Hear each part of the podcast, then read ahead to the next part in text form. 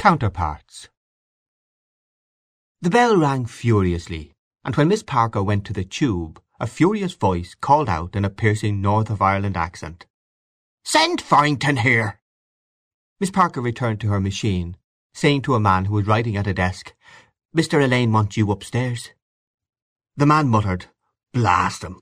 under his breath, and pushed back his chair to stand up. When he stood up he was tall, and of great bulk. He had a hanging face, dark wine–coloured, with fair eyebrows and moustache. His eyes bulged forward slightly, and the whites of them were dirty. He lifted up the counter, and, passing by the clients, went out of the office with a heavy step. He went heavily upstairs until he came to the second landing, where a door bore a brass plate with the inscription Mr. Alleyne. Here he halted, puffing with labour and vexation, and knocked. The shrill voice cried, "Come in!" The man entered Mr. Alleyne's room. Simultaneously Mr. Alleyne, a little man wearing gold–rimmed glasses, on a clean–shaven face, shot his head up over a pile of documents. The head itself was so pink and hairless it seemed like a large egg reposing on the papers. Mr. Alleyne did not lose a moment. "Farrington, what is the meaning of this? Why am I always to complain of you? May I ask you why you haven't made a copy of that contract between Bodley and Kirwan? I told you it must be ready by four o'clock." "But Mr. Shelley said, sir—" "Mr. Shelley said, sir! Kindly attend to what I say, and not to what Mr. Shelley says, sir. You have always some excuse or another for shirking work. Let me tell you that if the contract is not copied before this evening, I'll lay the matter before Mr. Crosby. Do you hear me now?" "Yes, sir." "Do you hear me now? Ay, and another little matter. I might as well be talking to the wall as talking to you. Understand, once for all, that you get a half hour for your lunch, and not an hour and a half. How many courses do you want, I'd like to know? Do you mind me now?" "Yes, sir."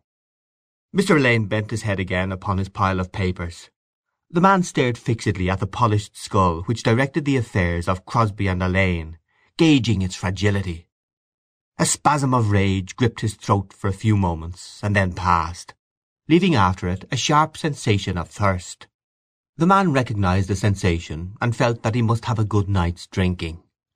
The middle of the month was past, and if he could get a copy done in time Mr. Alleyne might give him an order on the cashier.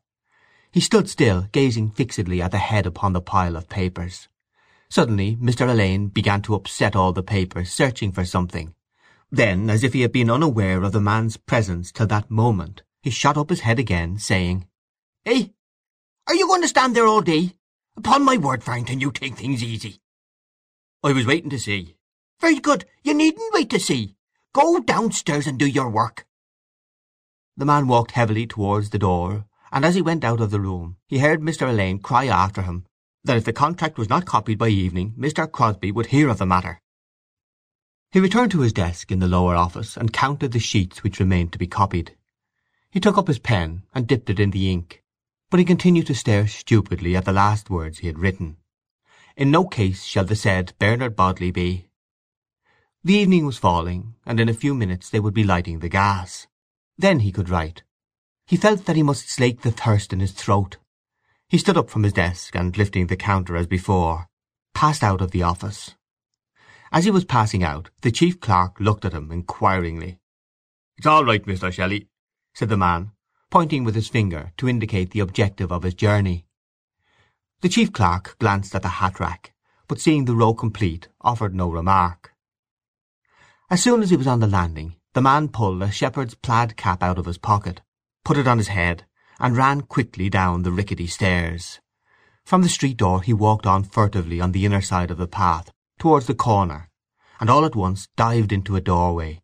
He was now safe in the dark snug of O'Neill's shop, and filling up the little window that looked into the bar with his inflamed face the colour of dark wine or dark meat, he called out, "Here, Pat, give us a G.P. like a good fellow."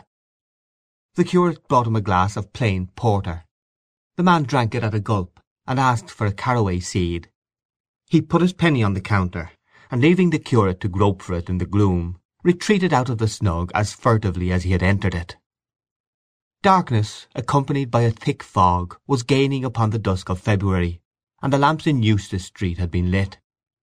The man went up by the houses until he reached the door of the office, wondering whether he could finish his copy in time.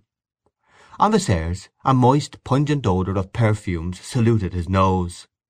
Evidently Miss Delacour had come in while he was out at O'Neill's. He crammed his cap back again into his pocket and re-entered the office, assuming an air of absent-mindedness. "Mr. Alleyne has been calling for you," said the chief clerk severely. "Where were you?" The man glanced at the two clients who were standing at the counter, as if to intimate that their presence prevented him from answering. As the clients were both male, the chief clerk allowed himself a laugh. "I know that game," he said. "Five times in one day is a little bit. Well, you better look sharp and get a copy of our correspondence in the Delacour case for Mr. Alleyne." This address in the presence of the public, his run upstairs, and the porter he had gulped down so hastily, confused the man, and as he sat down at his desk to get what was required he realized how hopeless was the task of finishing his copy of the contract before half-past five. The dark, damp night was coming, and he longed to spend it in the bars, drinking with his friends amid the glare of gas and the clatter of glasses. He got out the Delacour correspondence, and passed out of the office. He hoped Mr. Alleyne would not discover that the last two letters were missing. The moist, pungent perfume lay all the way up to Mr. Alleyne's room. Miss Delacour was a middle-aged woman of Jewish appearance. Mr. Alleyne was said to be sweet on her, or on her money. She came to the office often, and stayed a long time when she came.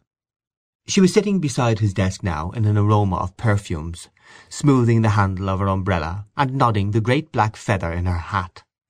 Mr. Alleyne had swivelled his chair round to see her, and thrown his right foot jauntily upon his left knee.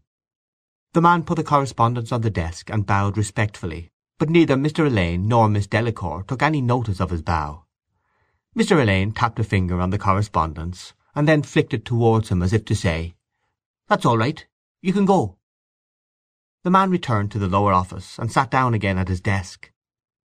He stared intently at the incomplete phrase, "In no case shall the said Bernard Bodley be," and thought how strange it was that the last three words began with the same letter. The chief clerk began to hurry Miss Parker, saying she would never have the letters typed in time for post. The man listened to the clicking of the machine for a few minutes, and then set to work to finish his copy. But his head was not clear and his mind wandered away to the glare and rattle of the public house.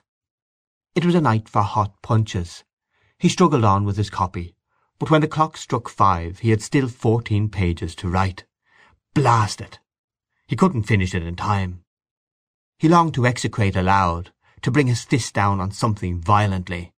He was so enraged that he wrote Bernard Bernard instead of Bernard Bodley, and had to begin again on a clean sheet. He felt strong enough to clear out the whole office single-handed. His body ached to do something, to rush out and revel in violence. All the indignities of his life enraged him. Could he ask the cashier privately for an advance?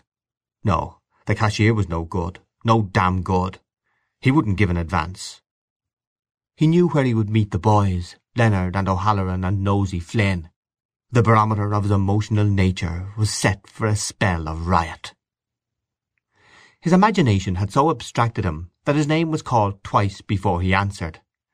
Mr. Alleyne and Miss Delacour were standing outside the counter, and all the clerks had turned round in anticipation of something. The man got up from his desk. Mr. Alleyne began a tirade of abuse, saying that two letters were missing. The man answered that he knew nothing about them, that he had made a faithful copy. The tirade continued.